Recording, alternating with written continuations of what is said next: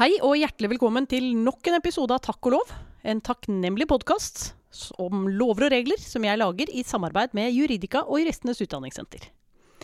I dag skal vi snakke om arbeidsrett og arbeidstakervern. Det er jo et evig aktuelt tema, selvsagt. Men kanskje særlig nå i denne rare pandemisituasjonen vi er i. Svært mange av oss ble permittert i 2020. Ikke er det blitt så mye bedre i 2021 heller. Men hvordan er det? Har man like sterkt vern mot oppsigelser og permitteringer i en unntakssituasjon? Jeg er veldig glad for at vi har fått med oss advokat Tarjei Torkelsen, min gode kollega fra gamle dager, til å lyse vei for oss i arbeidsrettens irrganger. Takk og lov for at du ville bli med, Tarjei. Takk for det. Veldig hyggelig å ha deg her. Um, for de som ikke kjenner deg, uh, i tillegg til diverse arbeidsrettslige verv, så har du vært partner i BAR siden 2003. Leder arbeidsrettsgruppen der. Uh, holder foredrag, uh, drar i gang. du har vært hos regjeringsadvokaten før. Du har vært tingrettsdommer. Du har en master fra Cambridge. Du løper i Høyesterett titt så ofte. Eh, og du kom hit i dag som den eneste gjesten jeg har hatt, med en ferdig disposisjon som ikke bare var utrolig fin og utfyllende i sin form, men allikevel akkurat av en karakter som Høyesterett elsker, og ikke så lang at de hiver den ut fordi den egentlig er et manus. Eh, men som i tillegg var heftet sammen med en binders. Og det minte meg veldig om da vi jobbet sammen i advokatfirmaet Skjøtt i gamle dager. For da var jeg så liten, enda yngre enn jeg er nå, og enda dummere og enda eh, mindre trent. Så da hadde jeg rollen som bindersholder. Og det var nettopp hvis man var med jeg tror ikke du brukte meg til det, altså, men hvis man var Nei, jeg håper ikke det. Nei, jeg tror ikke det var deg. Men da var det noen sånne store, veldig viktige partnere som hadde med seg manus, som var heftet sammen med binders. Og eh, hvis man var med dem i retten, så kunne man aller nådigst få lov å holde den bindersen mens de prosederte. OK. Um, vi prøver å introdusere våre gjester eh, med en fun fact, eller et artig faktum. Og det var Det er ikke de som bare kjenner deg som sånn saklig, Tarjei. De vil ikke tro dette, men det er utrolig mange artige faktum å velge. Uh, men vi valgte Du er Du har vært Du var kunstanmelder allerede som seksåring. Kan du forklare? Altså, Selvoppnevnt. Eh, nei, da var jeg seks og flytta familien fra eh, Tromsø til eh, Hidra utenfor Flekkefjord. Og den dagen så skulle mamma og pappa få oss i stand, og vi ble sendt ned til en onkel av min far. Og jeg gikk rundt og så der. Jeg var jo vokst opp i et hjem altså i, i Tromsø med abstrakt kunst, moderne møbler. Eh, skikkelig sånn moderne 60-tallsmennesker. Eh, og så kom vi der med tradisjonelt, og de hadde sjøbuer og fiskere og, og, sånn på bilder på veggene. Jeg gikk og så litt sånn, og jeg var vant til å gå på utstillinger fra jeg var ett år gammel. Og så, så ser jeg ut i lufta og så sier jeg, hva slags mannskittbilder er det dere har? og resten av tiden der nede gikk eh, som en drøm. Absolutt, og vi ble gode venner med eieren av kunsten også. Det er godt å høre. Eh, Tarjei, vil du eh, starte opp dagen med å bare rett og slett gi oss et lite riss av arbeidsrett som fag? Det gjør jeg gjerne. Altså, arbeidsrett er jo et på et vis et gammelt fag, over, over 100 år. Eh, samtidig så ser vi at mange av de grunnleggende spørsmålene er de eh, samme i dag. Det handler om vern av helse, om arbeidstid og om lønn, og etter hvert så kommer jo også et stillingsvern eh, inn. Og vi ser at arbeidsrett er jo nesten mer aktuelt i dag enn, noen gang. Det er Arbeidsrettsadvokater og jurister er faktisk den største faggruppa innenfor altså si, advokatforeningfamilien. Man har jo det som kalles advokatenes fagdager en gang i året, og der er arbeidsrettsbiten den klart største. Dette er en sånn veldig vekst i løpet av de siste 15 årene omtrent? Absolutt. Ja.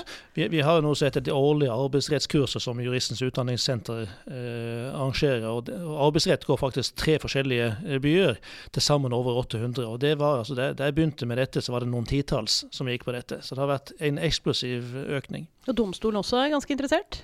Absolutt. og vi ser jo at uh, Da jeg studerte, så opplevde jeg at Høyesterett var interessert i, veldig interessert i tingsrett, mange saker. I dag så syns jeg at uh, arbeidsrett har overtatt litt der. De henviser mange saker inn arbeidsrett. Og jeg tror de, synes, de opplever at arbeidsrett er et samfunnsviktig fag, og det er viktig at de bidrar til avklaringer på disse typer tvister. Men du øh, følger jo åpenbart ikke trendene, du setter dem. Øh, og nå løper alle andre etter deg. Og, men hvordan er, det, hvordan er, det, å jobbe med arbeidsrett? Jeg syns det er utrolig flott. Uh, det er jo et fag som har med, altså med mennesker eh, å gjøre. Og det, og det opplever også at veldig mange sånn studenter og nye som kommer inn i advokatfirmaer, eh, som syns at det er attraktivt å kunne jobbe med den, for det gir en, en, en litt annen dimensjon enn en, enn det mer sånn papirmessige, og hvor du ikke har folk på den måten. Um, og så gjelder jo noe, noe som er noe veldig grunnleggende. Det, det, er viktig for folk det gjelder. Uh, det er selvfølgelig viktig å ha en jobb, og det er viktig måte, hvordan den hverdagen er. Men det er også viktig for, eh, for samfunnet. Uh, altså arbeidslivet det er jo der verdier skapes i, i vårt samfunn. Mm. og det er også sånn at organiseringen av arbeidslivet anses å være samfunnsmessig viktig. Vi snakker jo om den norske modellen eller den skandinaviske modellen. Hva er det igjen?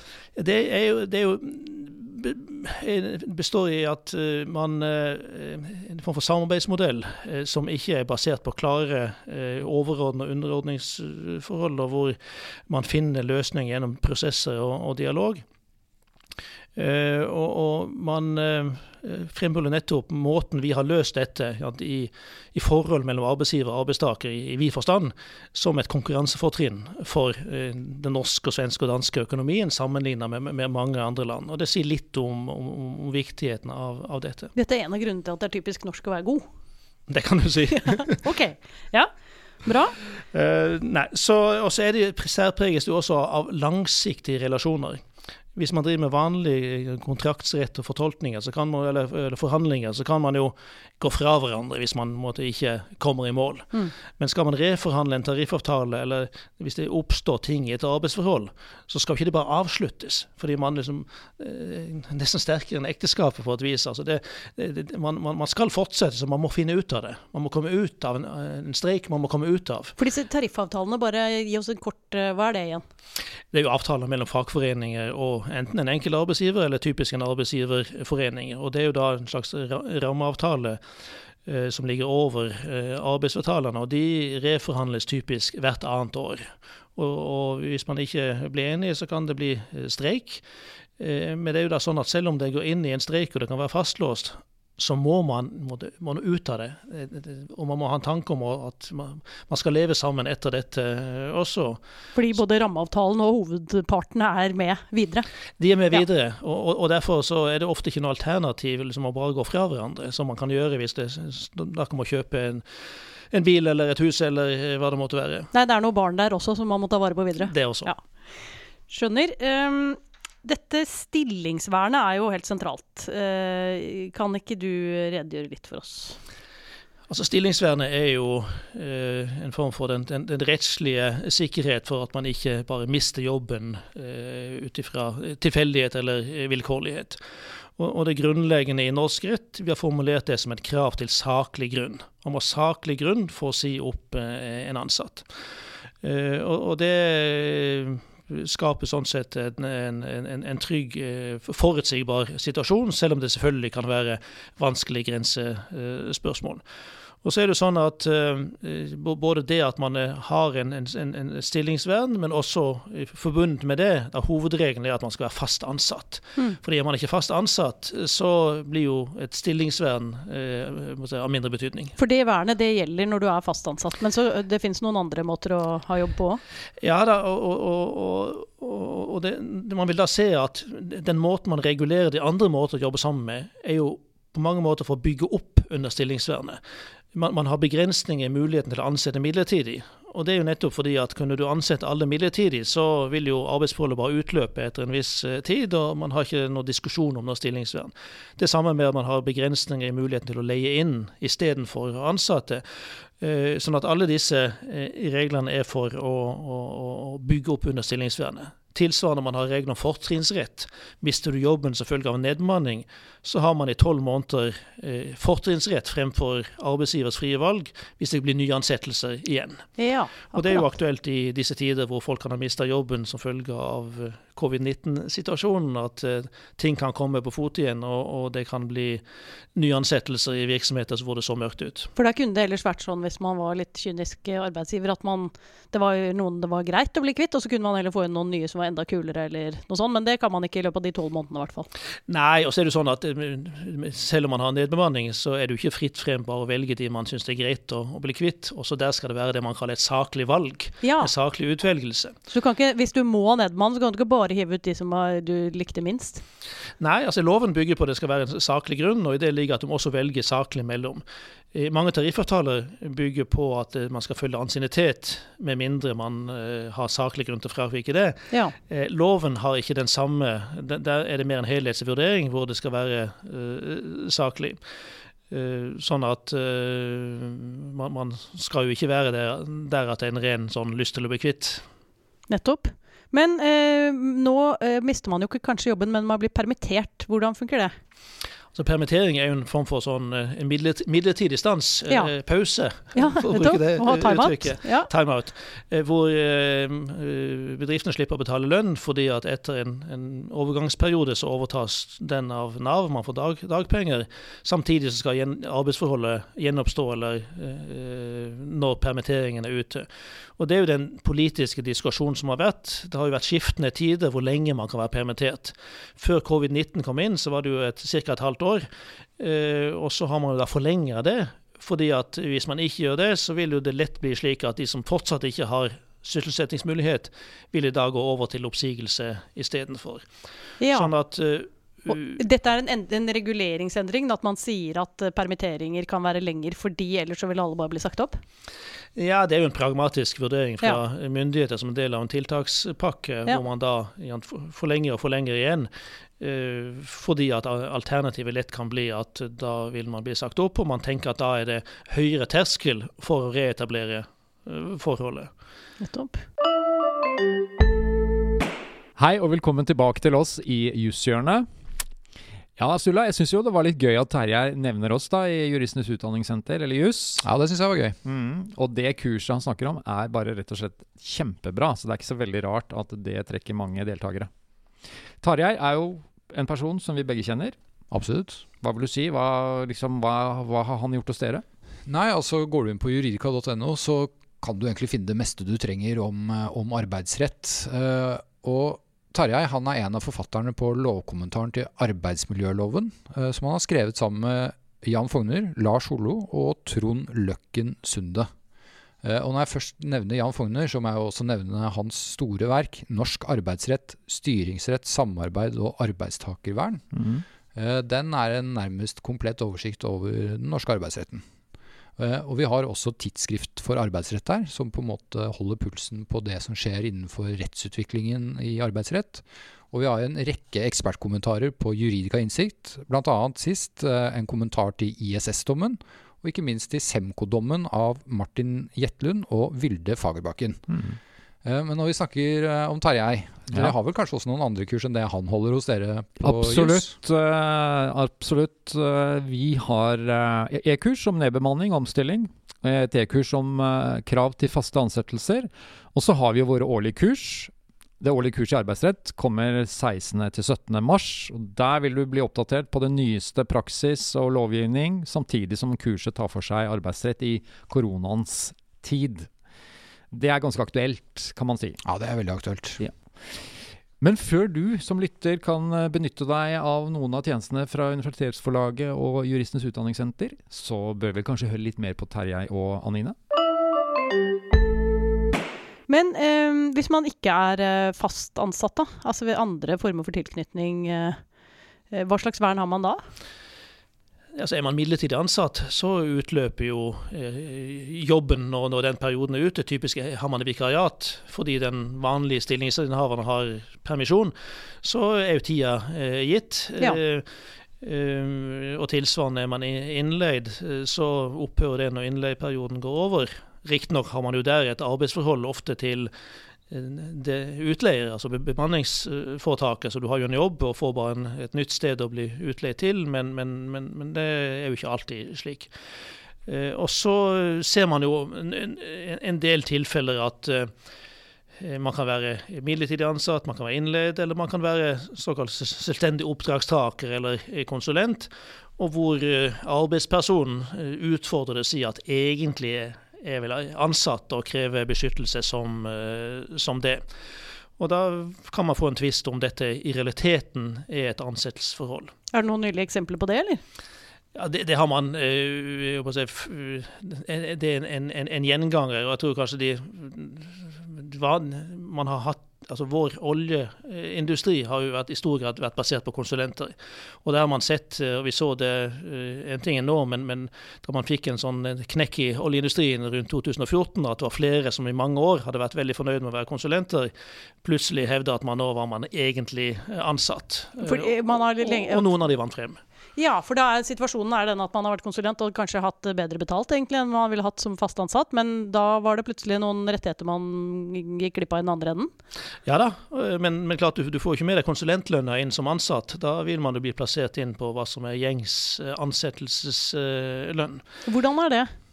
Nei, altså hvis det er tariffavtale, så gir det seg eh, sjøl. Eh, hvis det ikke er det, så må man jo prøve å finne måte, hva som måte, ville være den, den naturlige lønna som ansatt. og den, det har en viss sånn slektskap med Vi har jo det såkalte vikarbyrådirektivet som har blitt eh, også innført i arbeidsmiljøloven. Hva er det for noe, bare hvis du kort uh... Ja, altså det, det går på bl.a. en såkalt like, likebehandling lønnsmessig mellom innleide og ansatte. Oh, ja. og da er det sånn at man skal rett og slett gjøre en hypotetisk vurdering. Eh, at hva vil du ha tjent hvis du var ansatt istedenfor innleid?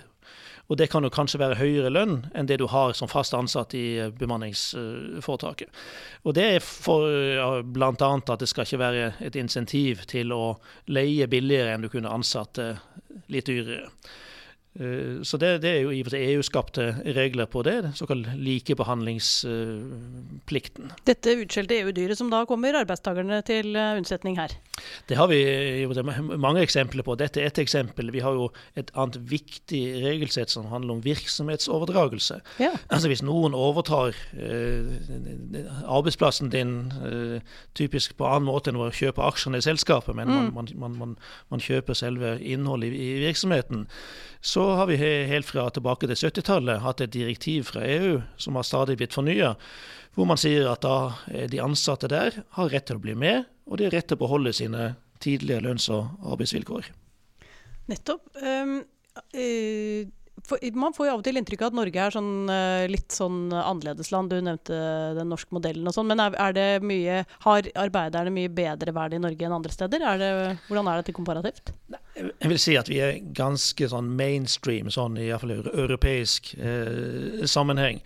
Eh, noen land har klart eh, svakere stillingsvern enn vi har, mens andre land har det jeg vil kalle et mye mer byråkratisk eh, stillingsvern, hvor det er veldig sånn strenge krav til prosess, altså f.eks. Frankrike, Nederland, hvor man sånn, sett fra vårt ståsted kan synes at det er nesten helt umulig å inn i en sånn prosess, for den er så tungvint og, og vanskelig, og kanskje man er avhengig av å finne avtaler med, med fagforeningene. I Norge har vi si, ganske greie regler. Krever saklig grunn. Det er forholdsvis streng terskel for det.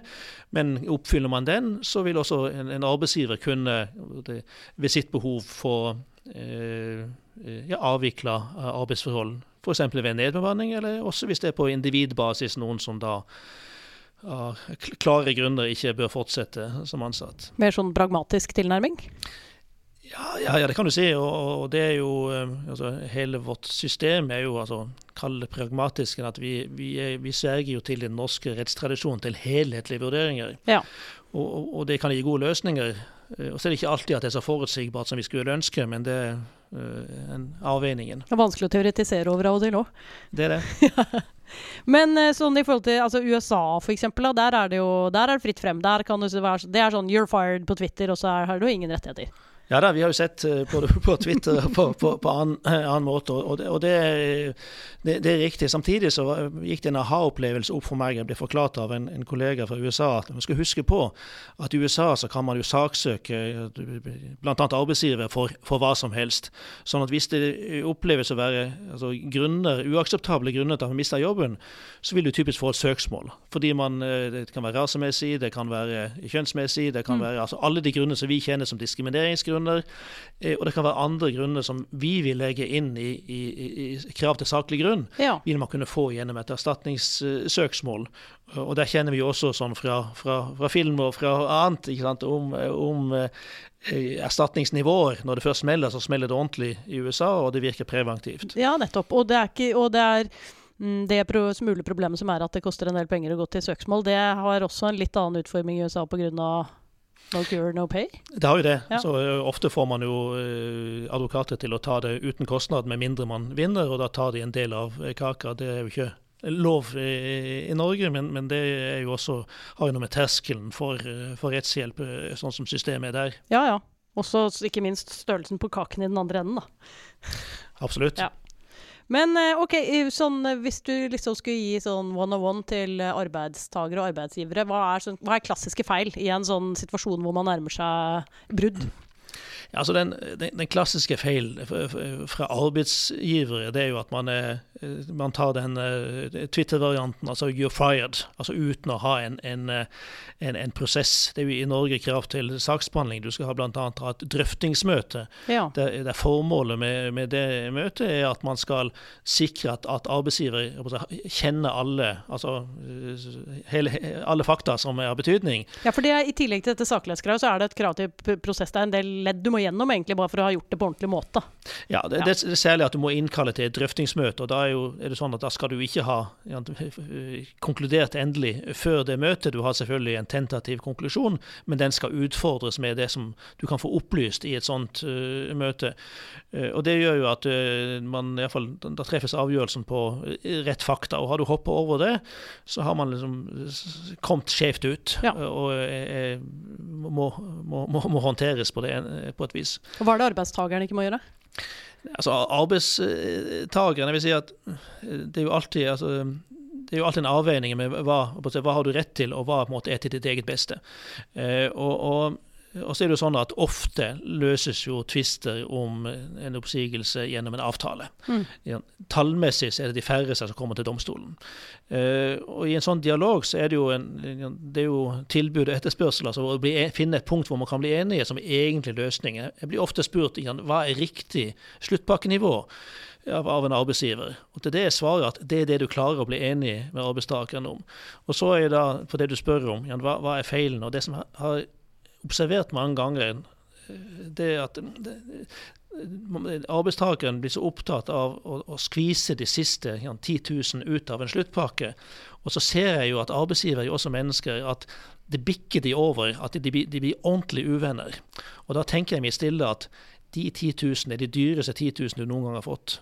For du, for du møter folk igjen, du skal ha referanser. Begge opp, eh, kan hende at de kommer i nye settinger senere. Eh, og, og, og det, det er ikke alt som glemmes, selv om man skal være profesjonell. Dette med penger i det hele tatt, eh, lønnsnivå, er det, har, vi, har man noen rettigheter der? Det er jo du kan si, det er nesten som et paradoks. Altså, vi, har, vi har jo en svær eh, arbeidsmiljølov med mange rettigheter og mange regler. Men lønn er jo ikke regulert i lov i, i Norge som, som, som hovedsak. Eh, det er overlatt til- partene, enten kollektivt gjennom eh, tariffavtale eller på én-til-én-avtale. Eh, unntaksvis har vi en regel i arbeidsmiljøloven om rett til overtidsbetaling på minimum 40 Eh, og så har vi en egen ferielov om rett til, til feriepenger. Sånn at eh, lønn er ikke lovregulert. Eh, og så kan man i visse sånn sammenhenger eh, få det i både positiv og negativ forstand. Da vi skulle ha OL på Lillehammer, så innførte vi en, altså en, en lønnsfryslov nærmest. At det ikke skulle bli en eh, ufor, uforholdsmessig lønnsvekst i Lillehammer-området for uh, hensyn Ja. til OL. Og motsatt. eh, Da, da vi fikk altså EU-utvidelsen østover tidlig på 90-tallet, så eh, kom det jo problemstilling med at eh, ja, billig arbeidskraft, eh, eller underbetalt arbeidskraft fra de nye medlemsland Ja, for det er fri flyt av arbeidskraft, og så kommer det plutselig noen arbeidskraft som egentlig er vant til å tjene mye mindre, og det må jo være ganske attraktivt. ja, En ting er noe fri flyt av arbeidskraft. fordi de, de som kommer fra et annet land og blir ansatt i Norge, de vil jo kunne bli ansatt på norske vilkår og Mm. kanskje følge en norsk tariffavtale. Men dette var jo særlig for der, der du eh, tjenesteleveranser. Ja. Eh, De er ansatt i den polske eller den uh, litauiske Byggebedriften. Uh, byggebedriften. Og da har du jo et ansettelsesforhold og en lønn og kanskje sin tariffavtale der, men på et annet nivå. Uh, og da har vi Den norske løsningen på det var at man innførte det såkalte allmenngjøringsinstituttet, hvor man på visse sektorer kunne da treffe en, en, gjennom forskrift at en gitt tariffavtale på området skulle gjøres gjeldende også for andre enn de som var bundet av tariffavtalen. Dvs. Si alle alle ja. som jobber på området I hele bransjen, liksom. i hele bransjen. Ja. Og det har man gjort på byggebransjen, man har gjort det på deler av transport, eh, man har gjort det på jordbruk, eh, fiske, fiskeindustrien. Ja. Og alle disse er jo eh, bransjer hvor det har vært, iallfall til tider, mye utenlandsk eh, arbeidskraft. Vi har overnatting, renhold osv. ja. Men det er bare på spesifikke, så det, det er ikke sånn at det er en generell regulering at uh, man har eh, rett til en viss lønn. Og Det har også vært en diskusjon i Norge skal vi innføre en nasjonal minstelønn. Ja. Og da er det faktisk sånn at eh, For fagforeningshold er nesten størst motstand mot det. De er redd for at det vil virke som en slags magnet eh, til å, å trekke generelle lønnsnivå eh, Ned, ned. Så man ønsker ikke å ha For det ville jo løst problemet sånn konseptuelt. ja, ja. Mm. Men det vil man ikke ha. Nei, det er akkurat. Jeg skjønner. Vi må eh, jo komme litt eh, tilbake til hva som er særskilt med denne pandemien og arbeidsretten, men før det eh, no, Siden du har vært eh, liksom eh, i denne bransjen så lenge, noen noen utviklingstrekk, Tarjei. Eh, Hva ser vi for oss fremover? Hva er det som har skjedd frem til nå? Ja, altså det, det som vi det har sett eh, bare i min tid, fordi at man har jo hatt i, i mange år vi har hatt arbeidsmiljølover med vekslende eh, navn og, og annen lovgivning. Vi ser at pensjon har jo kommet inn til å bli et arbeidsrelevant disiplin. Og det er først altså på 2000-tallet vi har alminnelig lovgivning om, eh, om, om pensjon. Og det første først i altså 2005 vi fikk en lov om såkalt obligatorisk tjenestepensjon. At alle arbeidsgivere må ha en minimums eh. Før var det ikke det, og det var også veldig mange eh, bedrifter som ikke hadde pensjonsordninger i det hele tatt. Hvordan banet dette seg frem? Var det, skjønte man at man begynte å bli eldre her i landet, eller hva var det? Hvorfor kom det ikke før da? Ja, det er nok delvis eh, det. Og så er det vel også ja, drevet frem av at altså det, fra typisk fagforeningshold så sier man jo at eh, pensjon er utsatt lønn. Og Mm. det er liksom en, en videreføring av, av, av lønnsnivå. Eh, og, Lenge så trodde man jo at folketrygden skulle ta hånd om dette, og så ser man jo at levealderen øker. Så er det kanskje noe som har vært en driver, så er det nok kanskje eh, altså, eh, økt levealder i, i befolkningen og det man kaller eldrebølgen. Hvor Ja. man ser at vi må, vi må rigge samfunnet sånn at, at dette er bærekraftig. Og det var jo også eh, en hovedtanke, den såkalte pensjonsreformen vi fikk i 2011. Nettopp. Hvor vi fikk da en endring i, i folketrygden. Ganske fundamental. altså Folketrygden har nå egentlig blitt det man kaller en innskuddsbasert. altså hvor, hvor det settes av en viss fast prosent på en fiktiv konto til den Ja. enkelte, som minner om en innskuddsordning i, i, i arbeidslivet. Ja. Uh, og, så det, det er pensjon. Vi har fått, eh, sånn, internasjonalt har vi jo fått masse regler om diskriminering. Ja. Så vi har jo egne både kapitler i arbeidsmiljøloven og egne lover om diskriminering, som har blitt uh, eh, en sterk utvikling. Vi har jo fått dette med det man kaller sosial dumping, var jo dette med å, eh, som vi har eh, laga systemet med allmenngjøring av av tariffavtaler, som har vært eh, i en periode var med et av de store arbeidsrettslige temaene. Så har jo det funnet en del avklaringer. Det har jo vært også saker i Høyesterett om, eh, om det. Eh, vi har eh, også disse eh, ulike typer eh, tvister om tilknytningsformer, hvor man ser at det oppstår nye former å jobbe på. Man begynner å snakke om arbeidspersoner, ikke arbeidstakere. Og så er spørsmålet er alle disse arbeidstakere, eller, eller, eller er de ikke. ja.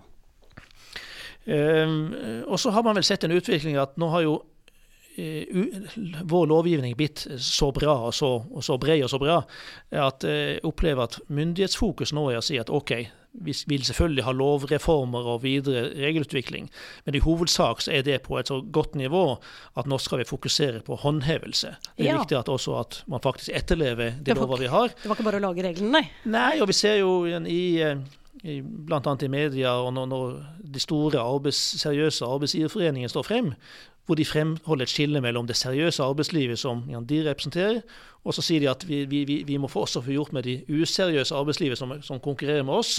Eh, sånn at, eh, så dette er jo en eh, Og det har med håndhevelse til dels. Eh, ja, og så vil jeg kanskje en sånn siste ting, det er mer sånn en, en sånn personlig eh, kjepphest. at altså Manglende utvikling er også et utviklingstrekk. Ja. Vår arbeidsmiljølov har jo blitt til måte, sin, sitt fundament i industrisamfunnet. Og vi har jo ikke så mye industri lenger, og i hvert fall de fle, flesteparten av norske arbeidstakere driver med noe annet. Og er kanskje ikke helt tilpasset, og at man kanskje av og til burde nullstille litt og, og, og si at hva er behovene nå, ja. eh, for å eh, ivareta alle de hensyn som skal eh, med. Både arbeidsmiljøloven og tariffavtalene, kanskje? De baller jo på seg? Tariffavtaler også. De, de, de blir jo etter hvert store bøker som er vanskelig å, håndtere. og Jeg vil jo ønske at man av og til satte seg ned og sier OK, vi går inn i en ny fase. Kan vi ikke møtes med vi har start med de ti viktigste punkter på hver side? Og så prøver vi å lage noe nytt, og så legger vi på det vi mener eh, trengs ut ifra dagens behov. Ja, nettopp. Jeg vet ikke om det var Jefferson som sa at en grunnlov aldri burde vare mer enn en generasjon. At man av og til bare nullstiller og begynner på nytt. Og ser hva man tar med seg av det gamle, og hva man kan eh, spe på med det nye? Ja, Erfaringen er at det er vanskelig å gi slipp. Man har jo et begrep fra fagforening hvor man sier at du rører ikke opparbeidede rettigheter. Nei. Og, og det, det, og det, det, er et vanskelig utgangspunkt for reform, iallfall. Ja, ja, ja, ja, det kan du si. Og så er det fullt forståelig, selvfølgelig. Men, men, av og til kan man jo stoppe opp og si at uh, er det de rettighetene vi trenger i dag? Nettopp. Uh, Covid-19, Tarjei. Hva uh, bidrar den med inn i ditt felt? Ja, den har jo eh, den har gjort at arbeidslivsadvokater har hatt et travelt 2020. Det ble det, det, det, og Dere ble ikke permittert, kan du si? Nei da, og, og, og, du kan si at permitteringer var jo ett eh, stort. og, og det, ble jo en kollektiv heving av kunnskap om permittering som ikke har vært så praktisk uh, før, selv om vi har hatt instituttet lenge. Og permittering er jo det, Jeg skal ikke si det særnorsk, men, men, men, ganske. fordi at vi har jo da en ordning hvor man da må gi noen frister og noen varsel, og det, så det er en viss egenandelsperiode for bedriften, men hvor da eh, arbeidsledighetstrygden eller Nav tar over eh, betalingsforpliktelsen så lenge de kan være eh, permittert. Eh, og, og, det er andre land som har prøvd å løse dette i covid-19-tida, men som ikke har hatt liksom, vårt system, som, som, har slitt mer med dette, og du raskere har kommet både til konkurser og til oppsigelser. Uh, så det er jo et felt hvor det har vært uh, en del, og så roer det seg etter, etter hvert som dette fant sin, sin form. Det er jo et annet tema som det ble, det er jo, å henge litt sammen med permitteringen, det er jo at mange bedrifter hadde jo ansatt folk som var på vei inn litt frem i tid, og stille spørsmålet kan vi avbestille, eller kan vi gjøre, ja. gjøre, det? Og dette er jo gjenoppliver jo noe som av og til kommer, men Eh, sånn, I arbeidsretten pleier, man å si, og Høyesterett har sagt, at det går et skille ved tiltredelsen.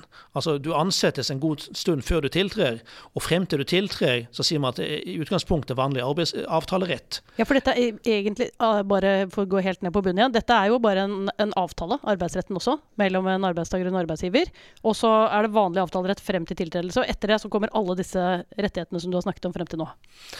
Ja, altså eh, en arbeidsrettsadvokat vil ofte si at det, er ikke vanlig avtalerett. Men, nei, nei, det er høyst uvanlig, naturligvis. Ja. ja. altså, sånn at eh, det er avtalerettslige mekanismer, ugyldighet eller kanskje bristende forutsetning mm. eller noe sånt Mangel. Eh, man kan Ja, eller manglende opplysninger. Du har ikke gitt riktige opplysninger, f.eks. Ja.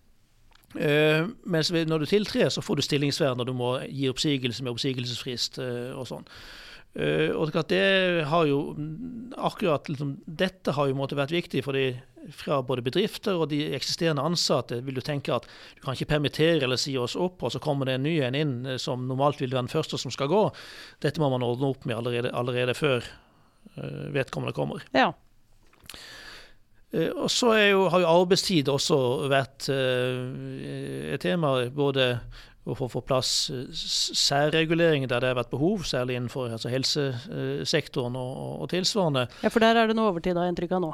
Det er mye, mye overtid. Ja. og, og Uh, og jeg sperra øynene litt opp da jeg så at Arbeidstilsynet vil varsle tilsyn mot Folkehelseinstituttet for, for mye overtid.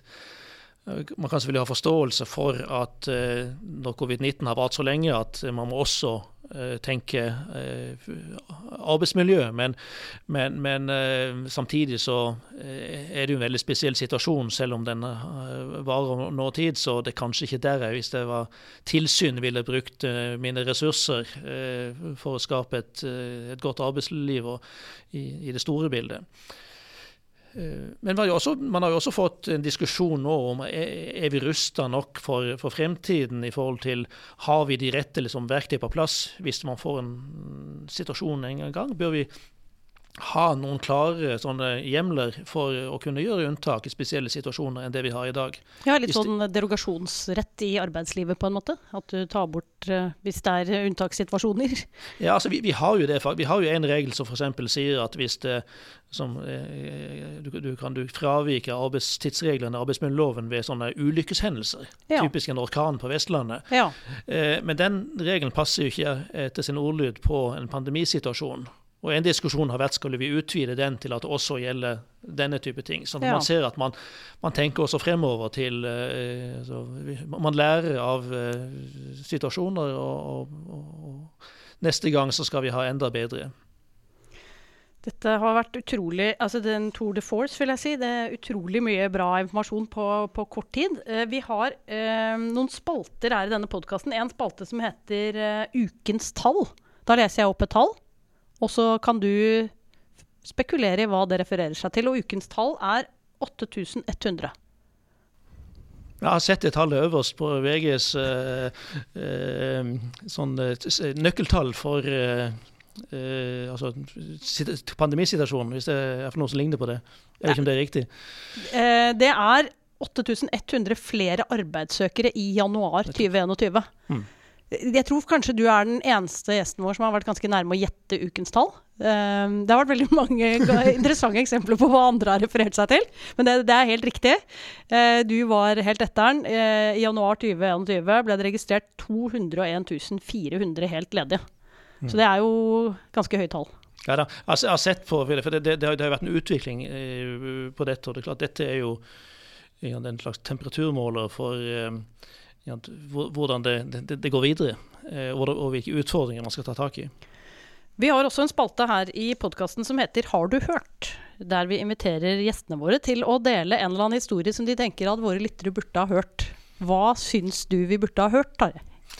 Ja, da, da, da, da, har jeg lyst til å fortelle en historie. Den var ikke mer personlig, men det var en av mine kolleger i, i arbeidsrettsgruppa i, i, BAR som ble oppringt av en, en, en, klient. De hadde en hendelse hvor det var, det var en, en verkstedbedrift hvor en ansatt hadde slått ned en annen med et verktøy. Uh, og, og, og hvordan, hvordan, skal vi løse dette? Det var jo først og fremst en reaksjon overfor synderen. Men før liksom, de rakk å få vårt råd, så hadde de hatt et slags uh, ting på, på gulvet. Uh, og de hadde funnet ut at dette var ikke bra. Eh, det kunne ikke bare passere. Eh, de hadde funnet ut at eh, den skyldige skulle ta 14 dager fri uten lønn, og så var vi ferdig med det. Og det var ganske fascinerende, fordi at det verktøyet har jo ikke vi. Det er ikke noen regler som sier at det er en mulighet. Men det, det, var spot on. Det var jo en mye bedre løsning enn vi kunne varte opp med og løste det. De løste det eh, til liksom alles ja, tilfredshet så langt det var mulig i situasjonen. Også den som hadde fått verktøyet i bakhodet. Fantastisk. Man løste misbruk av eh, et verktøy med nyoppfinnelse av et helt nytt verktøy. Veldig godt sagt. Tusen takk skal du ha, Tarjei. Det har vært eh, utrolig hyggelig å ha deg med, og hyggelig å se deg igjen. Og veldig lærerikt, som alltid. Takk for at jeg fikk komme. Og tusen takk også til dere lyttere for at dere stadig holder ut med krongleriene våre. Det er jo en fest å få lov å holde på sammen med dere òg. Og den er ikke over. Neste uke får jeg besøk av Asbjørn Raklem, som skal forklare oss noe annet vi alltid har lurt på. Nemlig hvordan man best gjennomfører gode politiavhør. Så hjertelig velkommen tilbake da til nok en episode av Takk og lov.